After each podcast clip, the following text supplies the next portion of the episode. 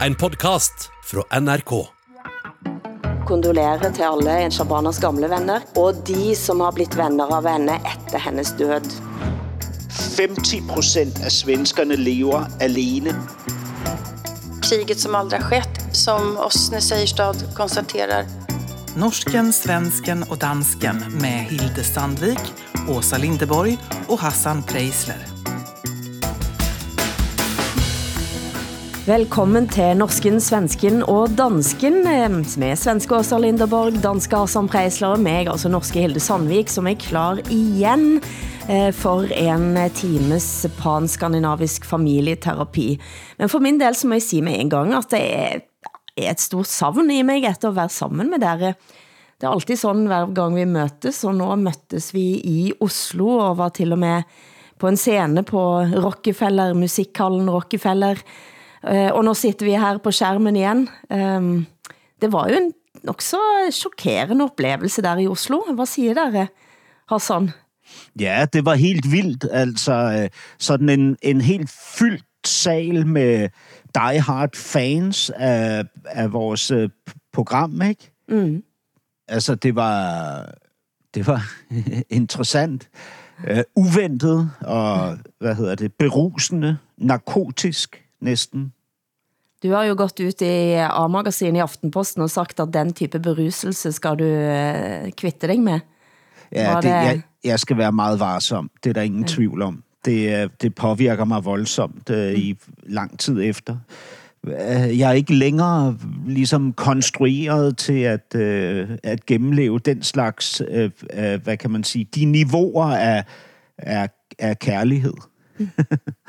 øh, ja, og A-magasinet, det er sådan et uh, glittet tillæg til Aftenposten. Mm. Og Aftenposten er Nor- en af Norges største aviser, ikke? Er det ikke sådan? Ja. Jo da, det er sådan, Ja. det er. Ja. Men det var dejligt at se jer, først og Ja. ja. fremmest. Altså øh, øh, holdet bag den her podcast, altså Hans Christian og Eskil og Henrik og, og jer to, ikke? Så, selvfølgelig. Altså, det er, jo, det er jo det, der i virkeligheden betyder mest for mig, det er, at jeg mm. kan få tilbragt noget tid sammen med jer. Altså mm. noget Mm. al- almindelig tid, ikke? Uh, ja. Ja, Åsa. Ja, det är, väl, det är väldigt roligt och, och morsomt att uppleva er på riktigt. Nu har vi känt varandra i två år. Eh, och eh, att se er också är ju fantastiskt. Fin publik tycker jag. Den var, jag tror tre generationer stark var den. Det, det förvånade mig lite att, eh, att vi når så många. Ja. Faktiskt från alla åldersgrupper. Det var, det var kul att se.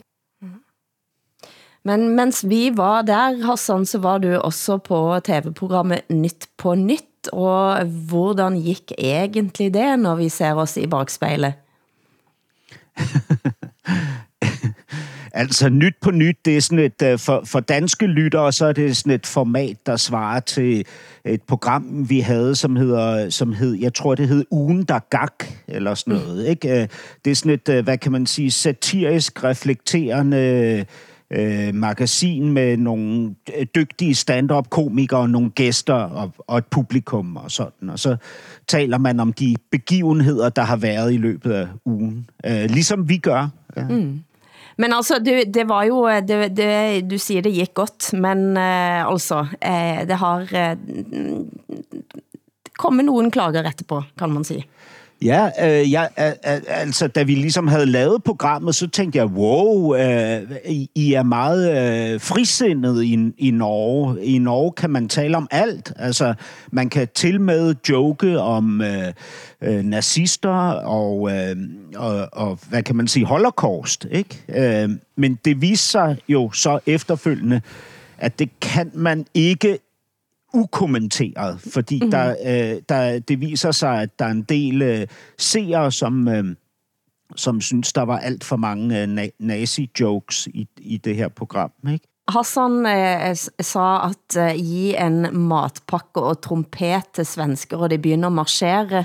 Eh, og det var som en respons på at Thomas Seltzer faktisk også havde kaldt alle svensker for nazister, men, men den joken, som, eh, som gjorde at eh, Men, folk men jeg vil reagerte, lige, var jeg jo vil en lige anden. sige, det, det sagde jeg faktisk også om nordmænd senere det. i programmet. Ikke? Ja, netop. Ja. Ja, Ja, det är gott att veta. Vi är alla, vi är alla där.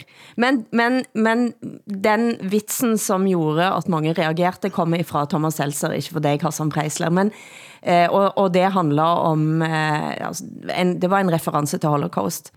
Ikke at jeg skal drive og fremsnakke Nazi-Tyskland, men altså de greide i hvert fall å transportere funksjonshemmede fra A til syklon B. Det er det fæleste noen har sagt i dette studio noen gang. Men der har jeg sett at støtten har kommet blandt annat ifrån Ervin Kohn, som är forstander for det mosaiske trosamfund. Eh, så, så den kritikken har, eh, har ikke været eh, helt massiv, kan man sige. Nej, men det, det, det er jo ret in- interessant, når der ligesom er, hvad kan man sige, øh, sådan noget på spil, som der var her. Ikke? Mm. Fordi man, man observerer det, og så tænker man, falder det her til den ene side eller den anden side? Mm. Og, og jeg kan jo huske, da MeToo-revolutionen brød ud i Danmark, altså der faldt det jo til til en side, og alting forandrede sig. Ikke? Og man ved aldrig, hvilken begivenhed, der gør, at, at, at det hele uh, tipper. Ikke? Mm. Man ved ikke, hvilken um, sætning det kan være, der udløser en revolution. Ikke? Mm. Uh, og, og revolutionen har været der i Sverige, og den kom til Danmark, ikke? men den har ikke været i Norge.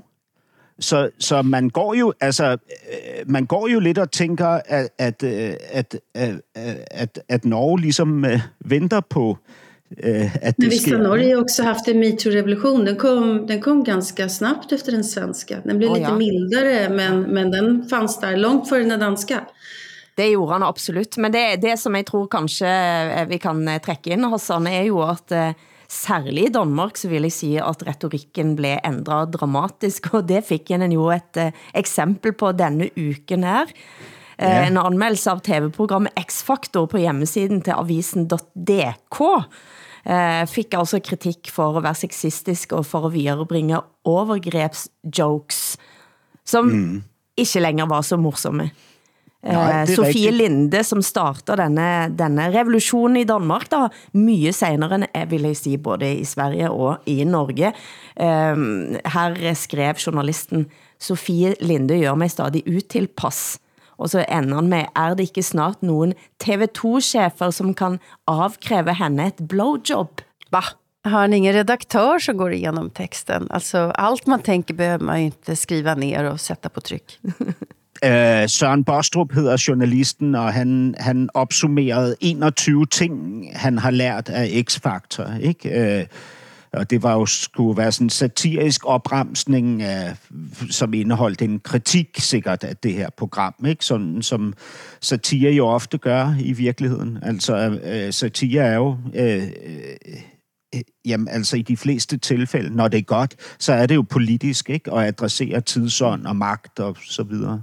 Øhm, det, det siger jeg ikke, at hans øh, opremsning var, fordi jeg har ikke læst den, men, mm. men, men det her punkt gik tydeligt over stregen, fordi der, han blev jo straks efter ramt af en shitstorm, som blev initieret af nogle øh, magtfulde, øh, populære mediepersoner, øh, personer, mange, en del kvinder blandt dem, øh, naturligvis. Og, og, og, og det blev så fuldt op af, af formiddagsbladene, tabloidaviserne, som gjorde, at hans redaktør trak øh, artiklen fra øh, hjemmesiden, redigerede mm. den og lagde den op igen. Ikke? Øhm, så det, det, det var processen i det her. Ikke? Og, og han, han burde jo så skamme sig nu. Det gør han altså ikke. Han har postet på Facebook, at det... øh, at, at, at han mener, at han, at han har ret til at bedrive satire, som han gør det.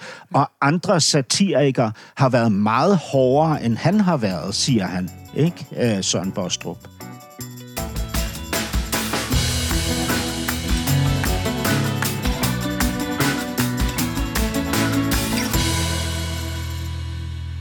Denne uken er veldig præget for min del, i alle fall av eh, at jeg var i bisettelsen til komikeren og samfundsdebattanten, og så veldig mye mer, Shabana Rehman. Og det satt jo jeg og tenkte på, da du snakket nå, eh, Hassan, eh, om satire og komik og, og samfundsdebatt. Eh, og når er det det virker samfunnskritisk, og når det er som en næsten samfundskritisk opgave, og være denne komikeren. Og Shabana Rehman var jo netop det, när hon lyfte Mulla Kreker, som jag har snackat om för eller malte sig själv i det norska flagg naken, eh, eller gick på ski över Grönland, som inte är det Grönland som eh, Danmark har eh, i sitt rike, men, men Grönland bydelen Grönland i Oslo.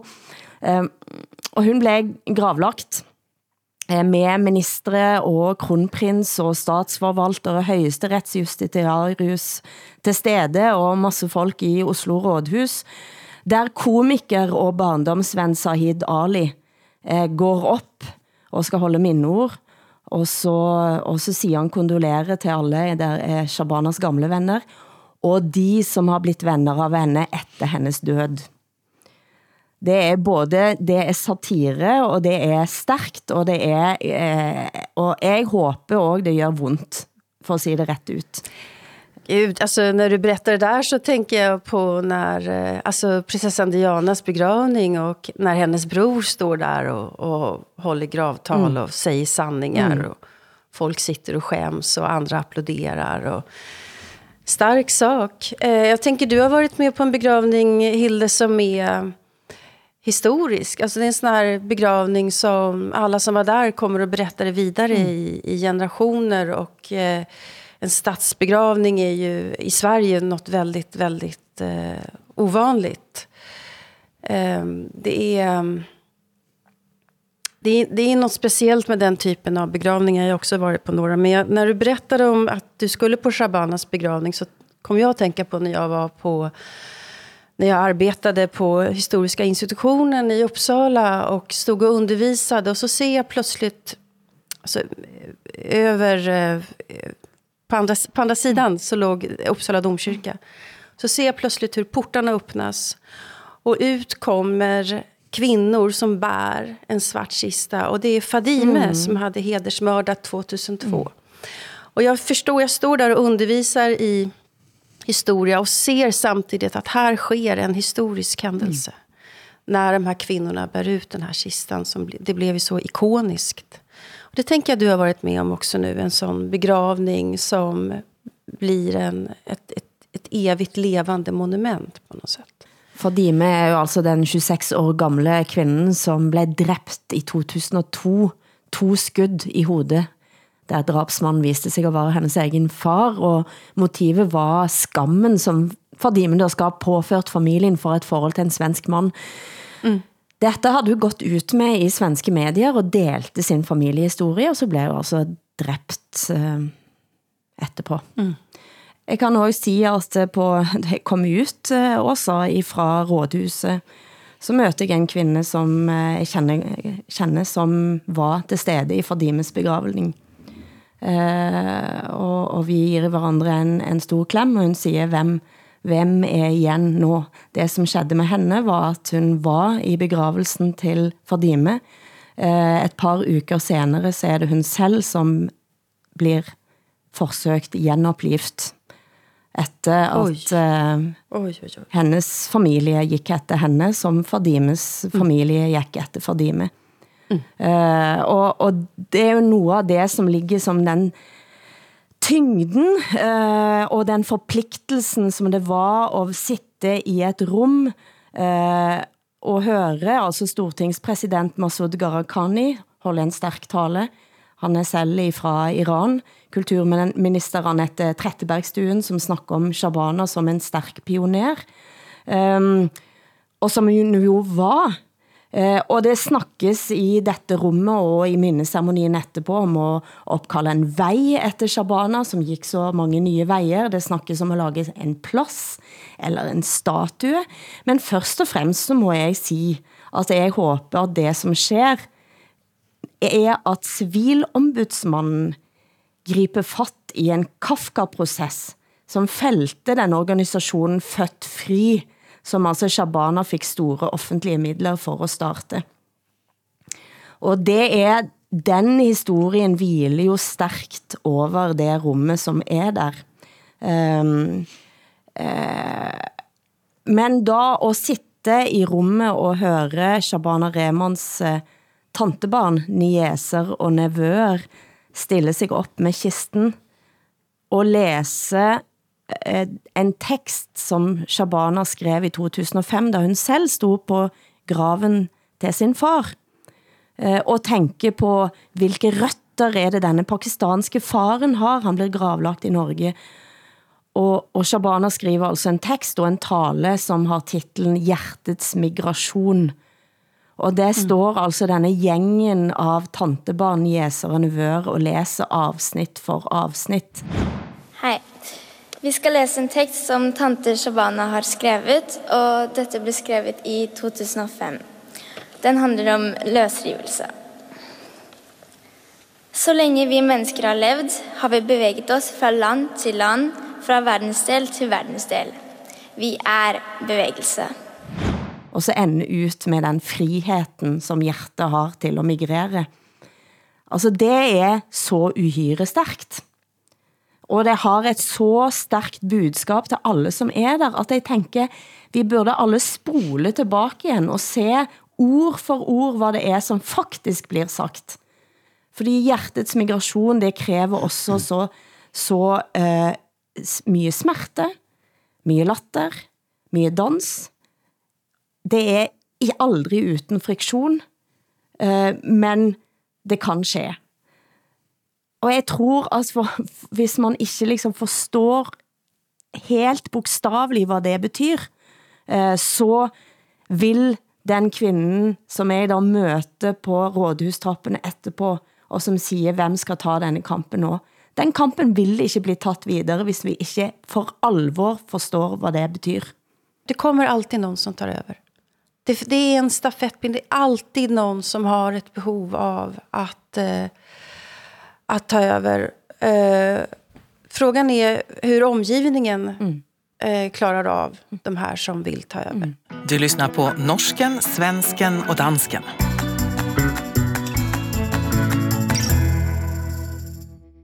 2023 er godt i gang. Jeg føler det har vart allerede veldig længe. Eh, og utfordringene står i kø.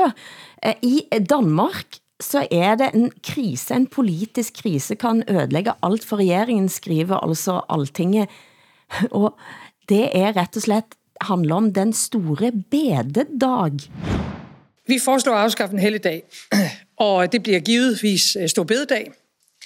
Øh, Og hele ideen med det her er jo, at vi har behov for at finansiere øh, nogle øgede forsvarsudgifter. Hvad er det, Hassan? Og hvordan i alle dager kan det ødelægge alt for regeringen?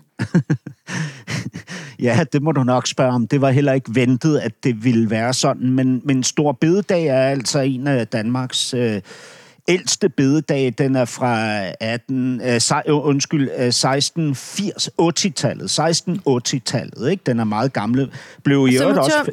ja, förlåt, jag måste översätta till svenska på en gång. Eh, den stora bönedagen. Bønedagen. Bönedagen, alltså det är en, någon form av religiös högtid va, som Ja.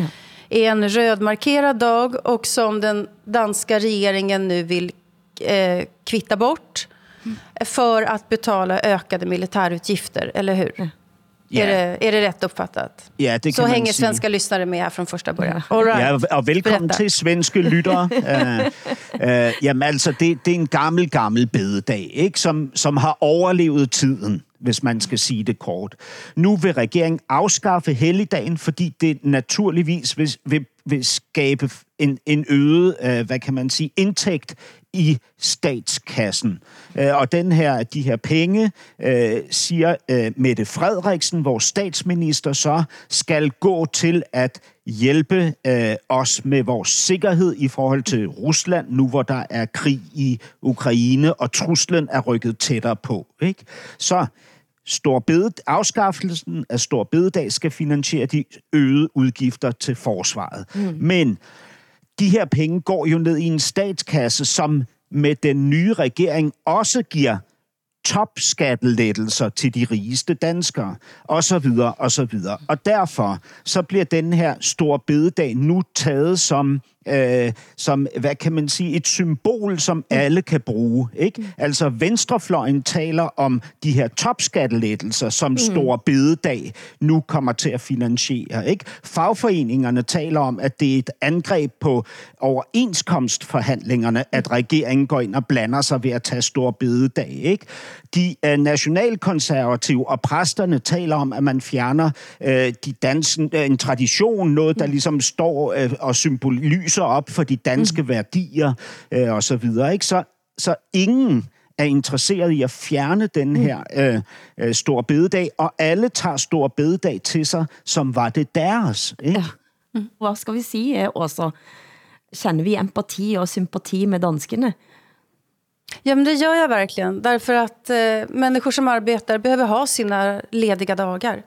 Så att, att bli av med en, en ledig dag eh, som man har liksom arbetat ihop till, det förstår jag att man blir arg över.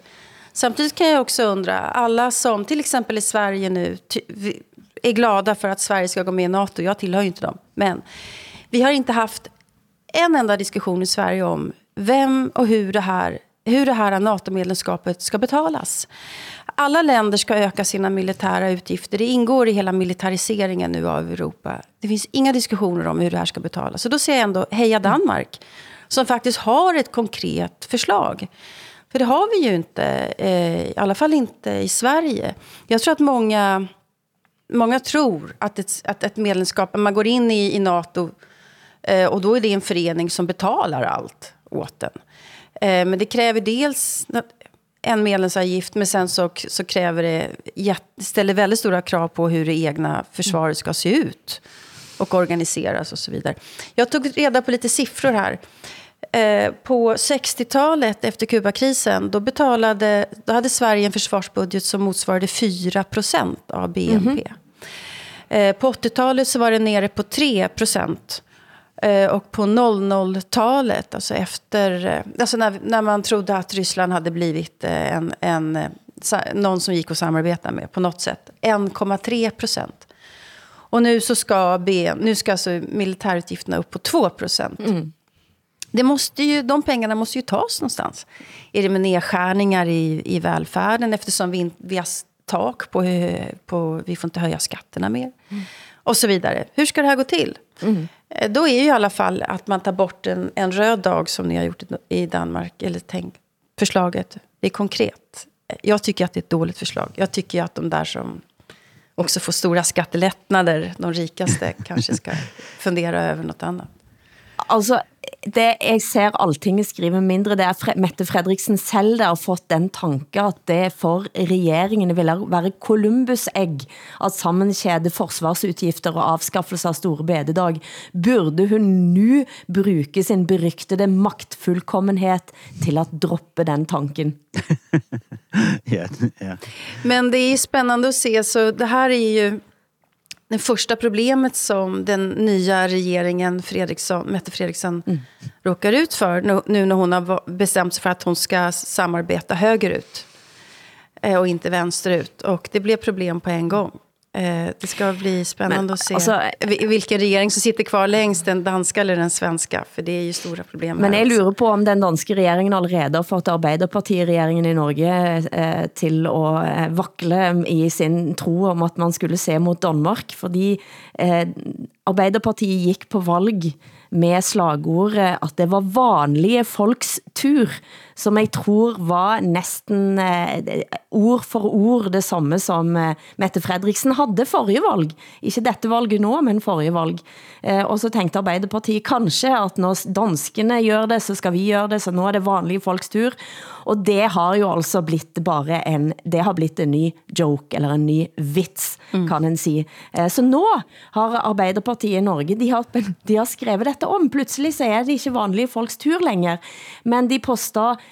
et bilde av Støre og næringsminister Jan Christian Vestre eh, i det nye året nå, eh, med titlen, med, med en bildetekst. De som bygger bedrifter, investerer penger, skaper ar- arbejdspladser, fortjener respekt, var nå pludselig budskapet.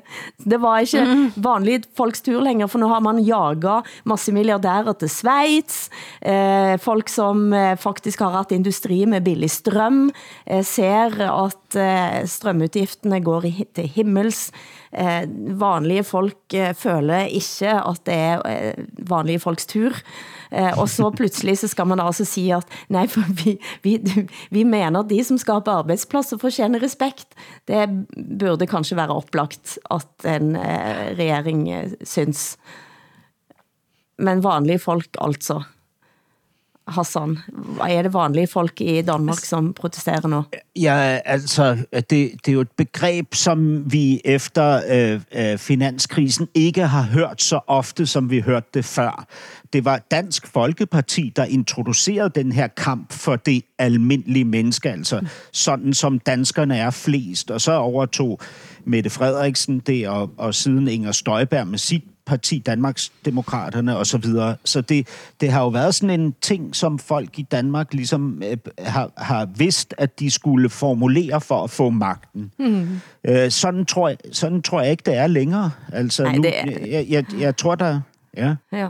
I Sverige så var det det högerpopulistiska partiet Ny Demokrati som på 90-talet myntade begreppet verklighetens folk. Eh, och sen så tog eh, Kristdemokraterna tog över det där begreppet eh, för kanske 15 år sedan. Eh, men det, det har ju ändå någon slags sprängkraft i sig. Därför att det är klart att det finns en majoritet av människor så finns det en elit. Det finns en kulturelit, en mediaelit, det finns en, en finanselit, eh, det finns en akademisk och så vidare. Och så finns det ju ändå majoriteten av människor som, som är någonting annat. Eh, och det, jag, eh, jag tycker ju på något sätt att, eh, att man måste kunna laborera med den typen av, av begrepp. Frågan är bara vem, vem som har eh, förtroendet att göra det och hur, vad man vill fylla de där begreppen med. Men på, på, på 60-talet så hade ju Socialdemokraterna en, en paroll i Sverige som går så här. Eh, Folkets väl går före storfinansens. Det skulle man idag säga är extrem vänsterpopulistisk retorik. Eh, idag så skulle Socialdemokraterna säga att folkets väl och- eh, finansens, det hänger ihop. Det, är- det är en enhet och så. Eh, vi behöver varandra. Det är inte riktigt så folk tänker tror jag, utan man ser liksom ökade motsättningar objektivt. Støre siger selv at eh, det vanlige folks tur aldrig var slagord for Arbeiderpartiet, og han siger, mine favoritslagord er skape og dele, og alle skal med. Det er det som Det är ju rena det kommunismen. er rene kommunism. Var och en efter dens förmåga och var och en efter dens behov och så vidare. Alla arbetar gemensamt och så delar vi ut vad vi behöver. Det var värst, Jonas Måske er Garstöre. han marxist. Måske er han skabsmarxist. Han är mycket värre än så.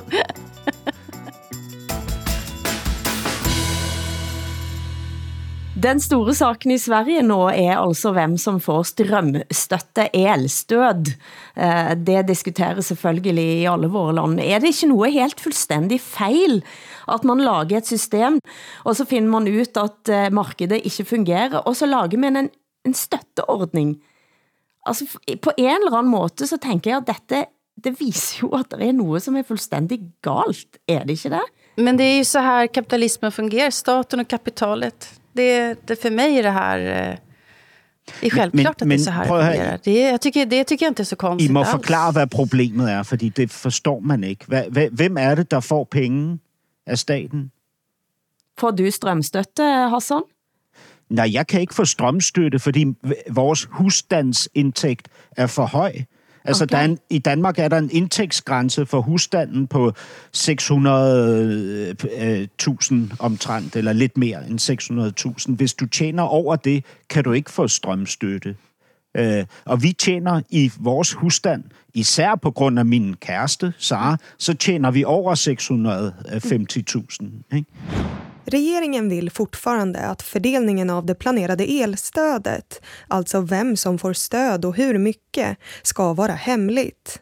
Det trots att lagrådet starkt kritiserat förslaget, rapporterar TT. I Sverige nu så har, vi, har regeringen lagt... Eh, de, de sa att de skulle fixa det här elstödet direkt. Det var bland annat därför de vann valet. Det skulle vara på plats redan i september. Tror jag det var. Eh, De har fått bakläxa, det har gått fram och tillbaka. Nu har de kommit med ett förslag i alla fall. Vad det innebär i praktiken vet jag inte, men poängen är här i alla fall att det ska vara sekretessbelagt vilka som får elstöd.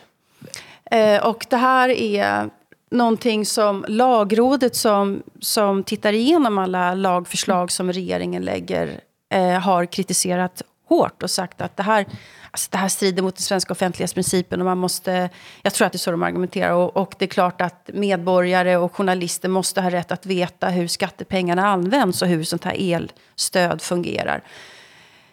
Eh, Medan då, och, och andra kritiker menar att det här är bara ett sätt för regeringen att dölja att den som faktiskt har de största eh, gårdarna som drar mest el kommer att få mest pengar och det vill man inte visa.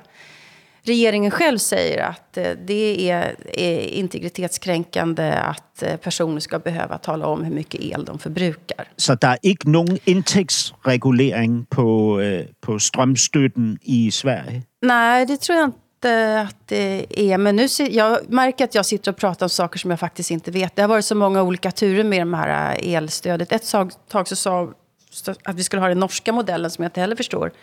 Den norske modellen er uhyre kompleks, men eh, den har ingen indtægtstak. Eh, I, altså, I Norge så er det sådan at på vinteren så dækker kompensationen 90% av gennemsnitspris over 87,5 øre per kilowatt.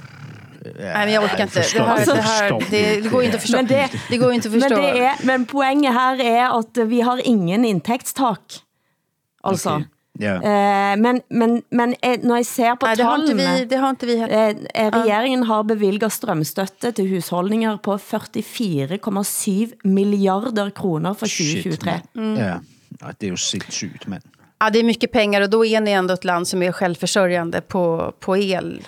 Alltså, det, men det er jo noe, det er jo noe som er fuldstændig... Det var jo på en måte... Altså, en av, en av, eh, et av utgangspunktene for at kunne drive industri i Norge var jo for eksempel at det var billig strøm. Altså fordi vi har så mye kraft, vannkraft, eh, eh, som nå går i rør eh, til, til Europa. Og vi er avhængige av også på nogle dager import, men eksporterer mye mer, selvfølgelig. eh, men der er jo noe som er fuldstændig på hovedet, når vi skal ha milliarder til strømstøtte for personer, men også delvis for bedrifter. Eh, og samtidig så har vi, kunne vi hatt enorme mængder eh, med, med kraft. Um, og selvfølgelig så er jo ikke alt utbygd, og alt er ikke utnyttet og så videre, og vi, ifølge folk som kan det, trenger også import. Men det er, men det, det, det, det lugger sådan inde i mig, känner jag, när vi bara snackar om Ja, detta. man, man kan bli revolutionär för, för mindre faktiskt. Men det jag tänker med det svenska, oavsett om det handlar om, om elstöd eller inte, det är att det, att det inte ska vara transparent, utan att det ska vara, att det ska vara hemligt. Eh, det är, jag är liksom rädd att det kan bli prejudikat. Att det så här kommer att vara fortsättningsvis, att regeringen fattar beslut och så hemlighåller man liksom det som tidigare var självklart för medborgarna att få reda på. Här måste man ju vara, vara uppmärksam. Men jag funderar på om ni har varit med om något liknande. Jag tänker ett, ett av de här orden som, som kom förra året som nyordlistan, alltså elskam. Eh, när man, man förbrukar mer el än man kanske be behöver eh, och så skäms man lite för det. Jag hade en eh, vän som bodde här i, i två nätter och, eh, och då funderade jag, hur ska jag göra med eh, värmen i badrums, på badrumsgolvet? Vi hade stängt av, för, för dyrt och det är onödigt. Eh, sen ska jag sätta på för att den här gästen kommer, så att jag ska göra lite kosligt. Så, Nej, för då kanske, då kanske han tycker att, eh, att jag slösar, att, eh, att det är pinsamt att jag använder så mycket el. Ja. Så jag stängde av. Jag, hade- jag lät det vara av sig. Sen ser jag att han hade satt på. Min gäst hade satt på min, min golvvärme. Det förstår och då jag gott. mig, alltså, ja, men hur, fa- hur, vad, hur skulle ni ha reagerat då? Jag stänger, ska stänga av. Det är ganska, ganska fräckt. Va?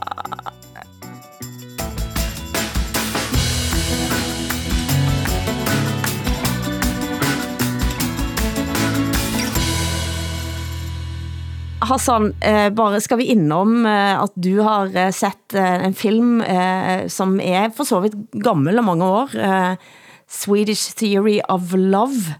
Erik Gandinis film fra 2015 om Sverige. Och gud vad jag skäms att jag inte har sett den. The Swedish theory of love. Living alone is not unusual in Sweden. Almost half of us live by ourselves. The highest rate in the world. Men Hassan, du pludselig så noget om svensker, som du ikke havde tænkt på før, eller? Ja, øhm, altså det, det, er, det er en deprimerende film. Altså øh, øh, den her film om, om den hedder de, de, på, på dansk hedder den den svenske teori om kærlighed, ikke? Øhm, og, og er lavet af Erik Gandini og, og illustrerer ligesom noget omkring svenskheden, som jeg gerne vil tale med jer om, fordi jeg, jeg ved jo ikke, om det er en sand fremstilling af individualismens konsekvenser, som Erik Gandini har lavet. Men det, han ligesom insisterer på i filmen, det er, at halvdelen, 50 procent af svenskerne lever alene, men 25 procent dør alene. Øh, det, det er et helt andet tal i Danmark. Det er meget lavere. Det er 38 procent af danskerne, som lever alene, og kun en ud af 10, altså 10 procent, som dør alene. Altså, øh, øh man, og man ser jo ligesom de her liv, man ser jo illustreret den her øh, alenehed eller ensomhed, og hvordan øh, svenskerne dør, uden at det bliver registreret, før der lugter. Ikke? Øhm, og så har man en myndighed, som kommer ud og opgør boet og, og fjerner liget. Ikke? Og en del af, årsagen til, at, at de her dødsfald ikke registreres, er, at betalingerne, altså alle pengetransaktioner, er automatiseret. Mm. Så indtægter og udgifter bliver betalt uden at, at der egentlig øh, skal foretages nogle handlinger, og derfor ser man ikke, at de her mange mennesker dør alene. Øh, ja, Nu måste jag bara fråga om en siffra här. Jag tror inte att det stämmer att 25 procent av alla svenskar dör ensamma och börjar lukta. nej, nej, Alltså nej, det ikke. upptäcker Jeg siger, dem. Nej, nej, nej. Jeg siger 25 procent af svensker dør alene. Utan några släktingar och käresta och Yes. familje... Altså, medlemmer det, det plats. siger tallene i filmen. Alltså, Så kan det absolut... Så det, ja, det är säkert så. Det är lite svårt att jämföra med Danmark skulle jag ändå säga. Därför att Sverige är så geografiskt väldigt, väldigt mycket större. Så att vi är ju mer utspridda. Och det, det kan vara liksom svårt att hinna fram för att avskeda någon och så. Om man, om man bor väldigt långt eh, bort. Men Sverige är ett land där människor är ensamma. Och jag tror att det har att göra med... Jag skulle gissa att Gandini... Jag skäms som sagt att jag inte har sett den här filmen. För alla pratar så gott om den att han tar fram den, de här, alla de här undersökningarna som visar att Sverige är världens mest individualistiska Mm. land. Vilket ju är en, en, eh, det är ganska en paradox eftersom Sverige också brukar sägas vara världens mest kollektivistiska land. Alltså att vi organiserar allting via staten och vi betalar väldigt mycket till staten och så vidare. Men de, den kollektivismen, eh, att välfärdsstaten liksom är så stark, eller har varit, har också lett fram till väldigt starka enskilda individer. Man klarar sig utan sin familj. Og det, jeg må jo bare sige, du siger også at alle snakker så godt om den filmen. Jeg så, jeg så den nå. Jeg har læst om den før, og, og, og på en måte Ja. utsatt at, at se den. Jeg så den, eh, og var veldig irritert. Ja, ja, likte, jeg likte den veldig, veldig dårlig. Eh, det, det er sjelden at jeg bare sitter næst... Jeg, må, jeg, måtte, jeg måtte skru av innimellem, for jeg var så irritert. Men, men, men udgangspunktet så syns jag tematikken er interessant. Ensomhed er interessant at diskutere. Eh, i Norge så, så är det så att eh, ifølge Folkehelseinstituttet så har en av fem personer ingen eller få att snakke med, när de upplever stora personliga problem. Och hos ungdom är det, er tallet enda eh, Hilde Östby, som har skrivit bok om ensamhet, eh, eh, har visat hvordan ensomhet forkorter livet også. Altså, hun har gått til forskningen og viser, hvad ensomhet faktisk gør med dig. Og det at ikke bli tatt på og, og, og ha nogen at snakke med, er selvfølgelig et grundlæggende, grundlæggende stort problem i vårt samfund. Men det jeg så, når jeg så filmen, var at man skylder på kvindefrigjøringen, man tar utgangspunkt i familiepolitikken til Olof Palme i sin Oi. tid, og den nye samfundskonstruktionen, som skulle gøre kvinden fri. Og så, så går man derifra til at skylde på at det har gjort kvinden særlig grad individualistisk, og han begynder også med en kvinde som vil, vil skaffe sig barn alene og, og går til en sædklinik i, i Danmark og så videre. Men så rejser han til Etiopia, eh, og da en dansk-svensk läge som är så lycklig i Etiopia, och får lov til at være der. Og så tänker og så tænker jeg på min gode vän eh, eh och som jag också har skrivit en liten bok sammen med Mona Ibrahim Ahmed, som är född och uppvuxen i Etiopia, hun er fra Somalia. Hon kom till Norge, och det hon upplevde i Norge är rätten till att vara fri. Alltså rätten till att kunna vara sig själv på en helt anden måde. Og da tænker jeg selvfølgelig tilbage på Shabana og, og, og hjertets migration.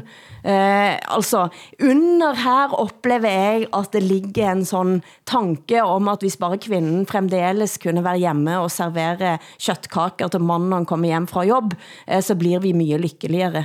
Eh, Og det er jo det filmen begynder med også, at man sitter rundt et sånt fint bord og spiser middag med Ja. barn lykkelige Altså, barn.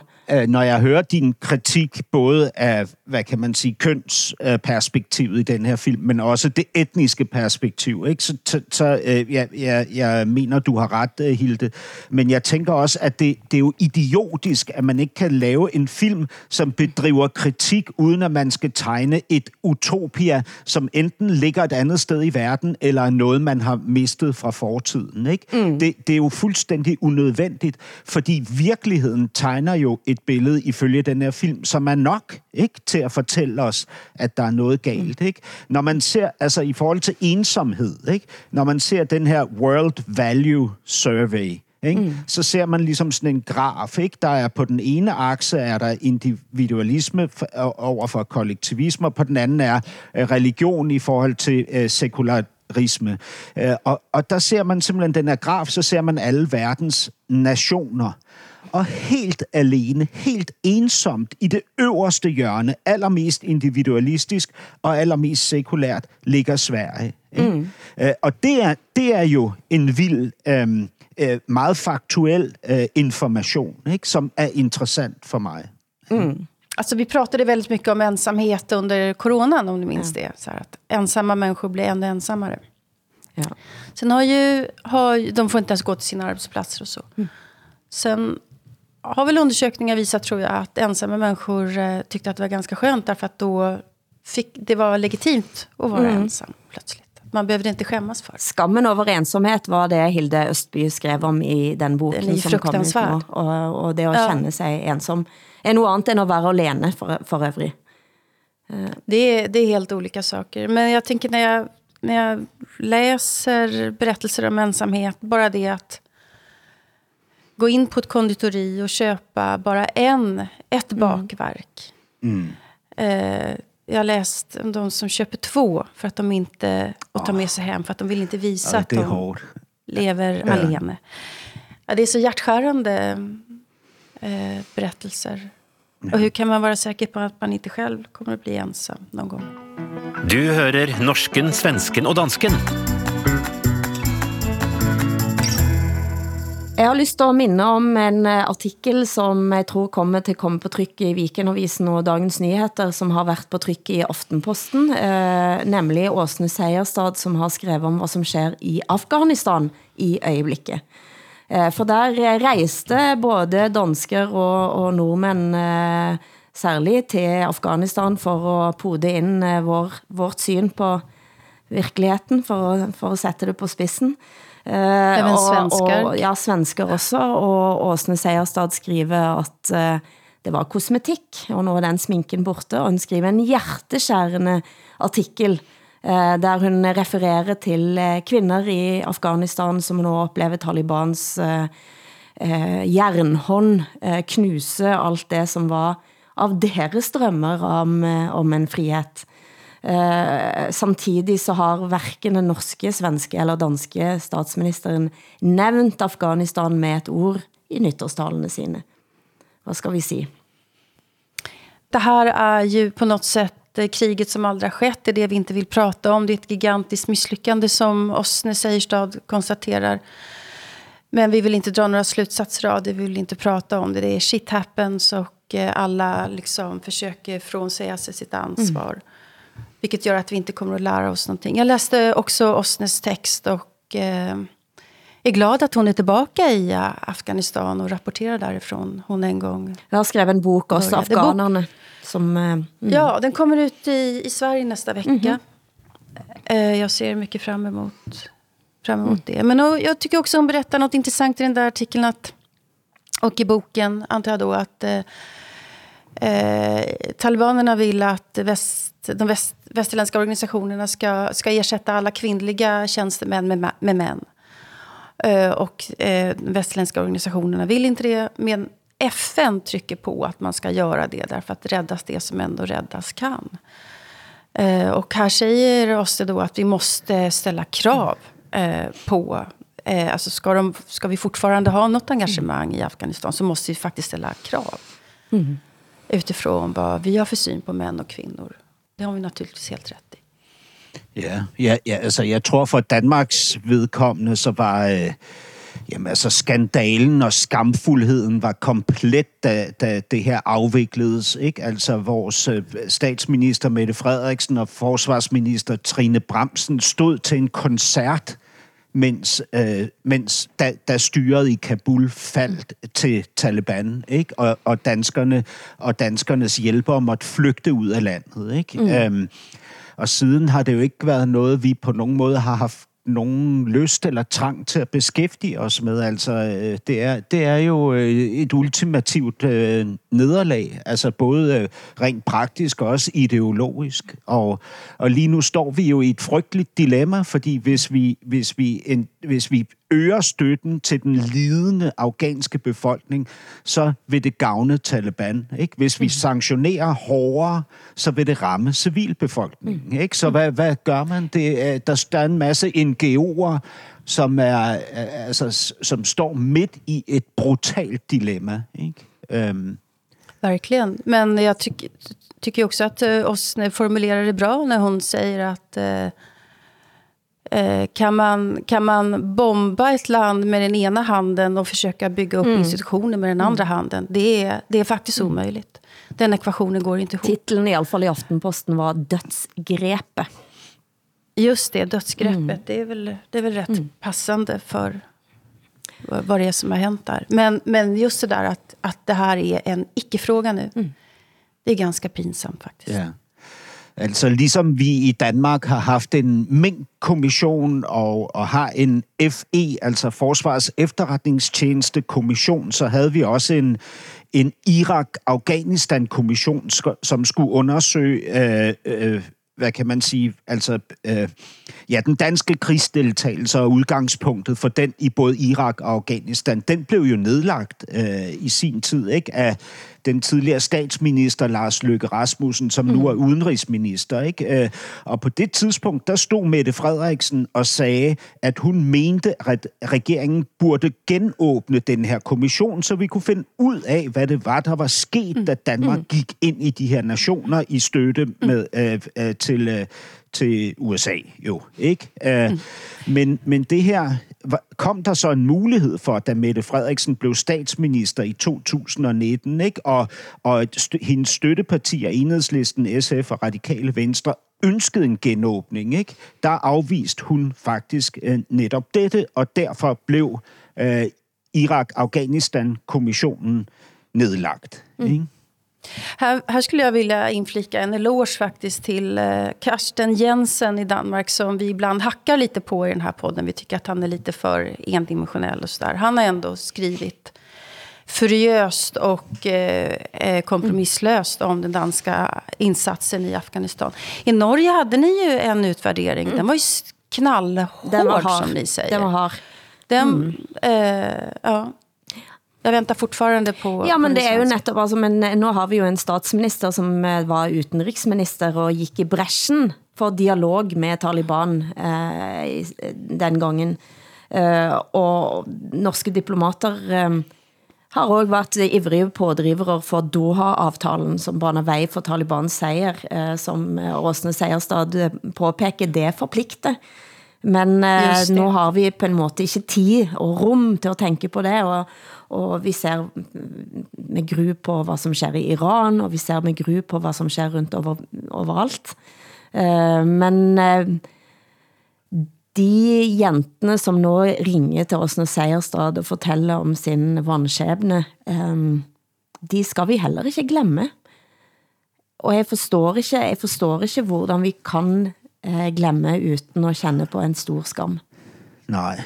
Nej, Helt sikkert. så- Og så, så øh, er er alle nuancerne jo også forsvundet. Mm. Ikke? Vi, vi tænker bare, nu er de alle sammen Taliban. Ikke? Og, mm. Men virkeligheden fortæller os jo- noget andet. Ikke? Den fortæller os, at langt de fleste afghanere rent faktisk ønsker, at kvinder kan gå på universitetet mm. og køre bil og have øh, øh, jobs, også i stat, statsadministrationen. Eller bara lära sig läsa och skriva. Man behöver inte ens gå på universitet. Nemlig, ikke? Og, og, det er Det mest faktisk, ja, og det er faktisk øh, folkeholdningen i Afghanistan. Udover Mm, det, det. så er det også sådan, at selv Taliban er splittet i en moderat og en konservativ øh, øh, hvad hedder det, blok. Ikke? Og at der faktisk er motivation for at kunne gå ind og kommunikere med de dele af Taliban, som ønsker større frihed for befolkningen. Ikke? Men det, alt det der er væk. Det er forsvundet. Der er ingen interesse. Vi ser ikke nuancerne, og vi har opgivet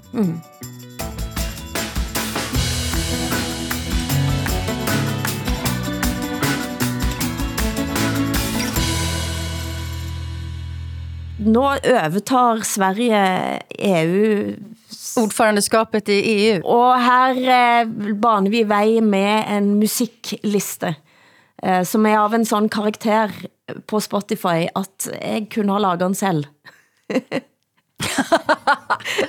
hur? Men Victor Altså, Malm i Expressen eh, mener at dette er lagt av en AI.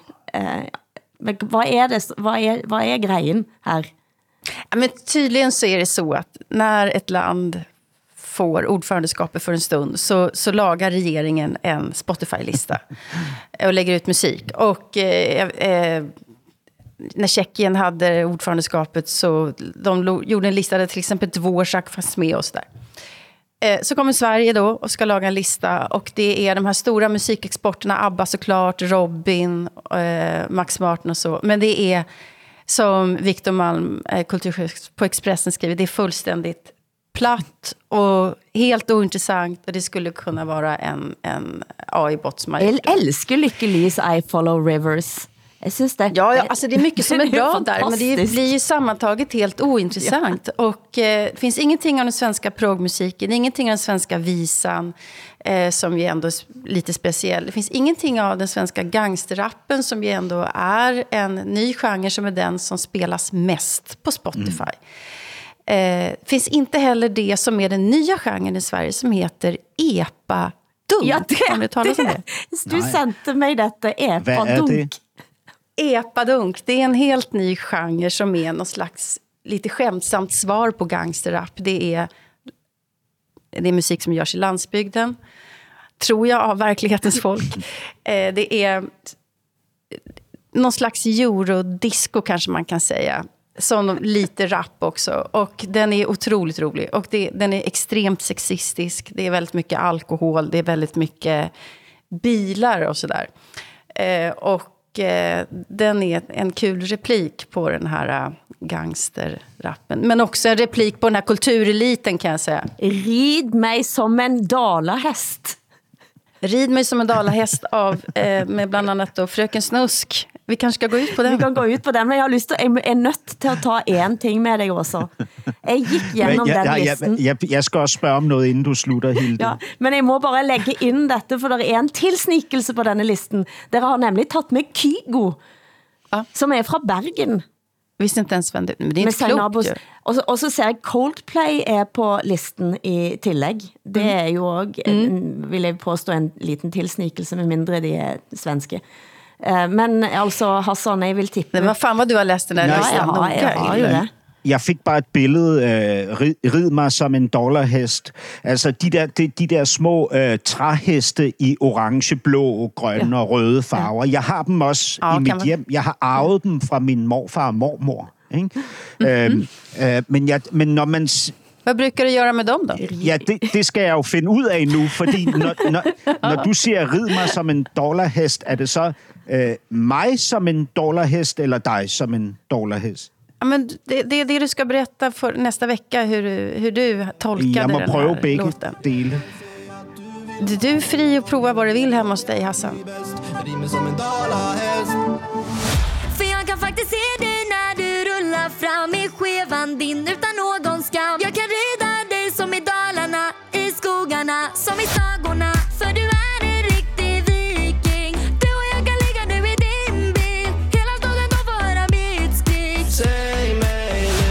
vem är det som dricker mest? Jag kan se att du vill ha mig Dalmo, brudar de är alltid bäst Rimer som en dalahäst Säg mig fuckboy, vem är det som leker mest? För jag kan se hur du vill ha mig. Raggar dig och de är alltid bäst. Producent har været Eskil Paus, tekniker Hans Christian Heide. Tak til Åsa Linderborg i Stockholm, Hilde Sandvik i øh, Bergen og jeg, Hassan Prejsler, i København. Programmet er produceret af både og for NRK, SR og DR, hvor redaktør for programmet er Ole Jan Larsen. Vi høres igen om en uge, eller du hører norsken, svensken og dansken, når du vil på SR Play, DR Lyd eller NRK Radio.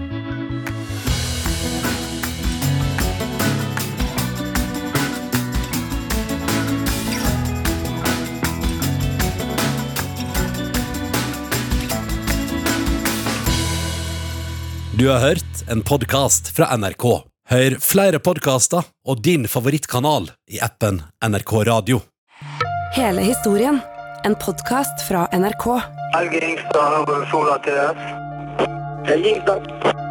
Krigsskipet KNM Helge Ingstad holder god fart inn en trafikkert fjord nord for Bergen. Er det du som kommer her? Ja, det stemmer. Midt imot kommer det store tankskipet Sola TS, fullastet med olje. Helge Ingstad, kan dere gjøre noe? Det blir nærmere veldig. Jag styr på med en gång. Havariet KNM Helge Ingstad hører du i appen NRK Radio.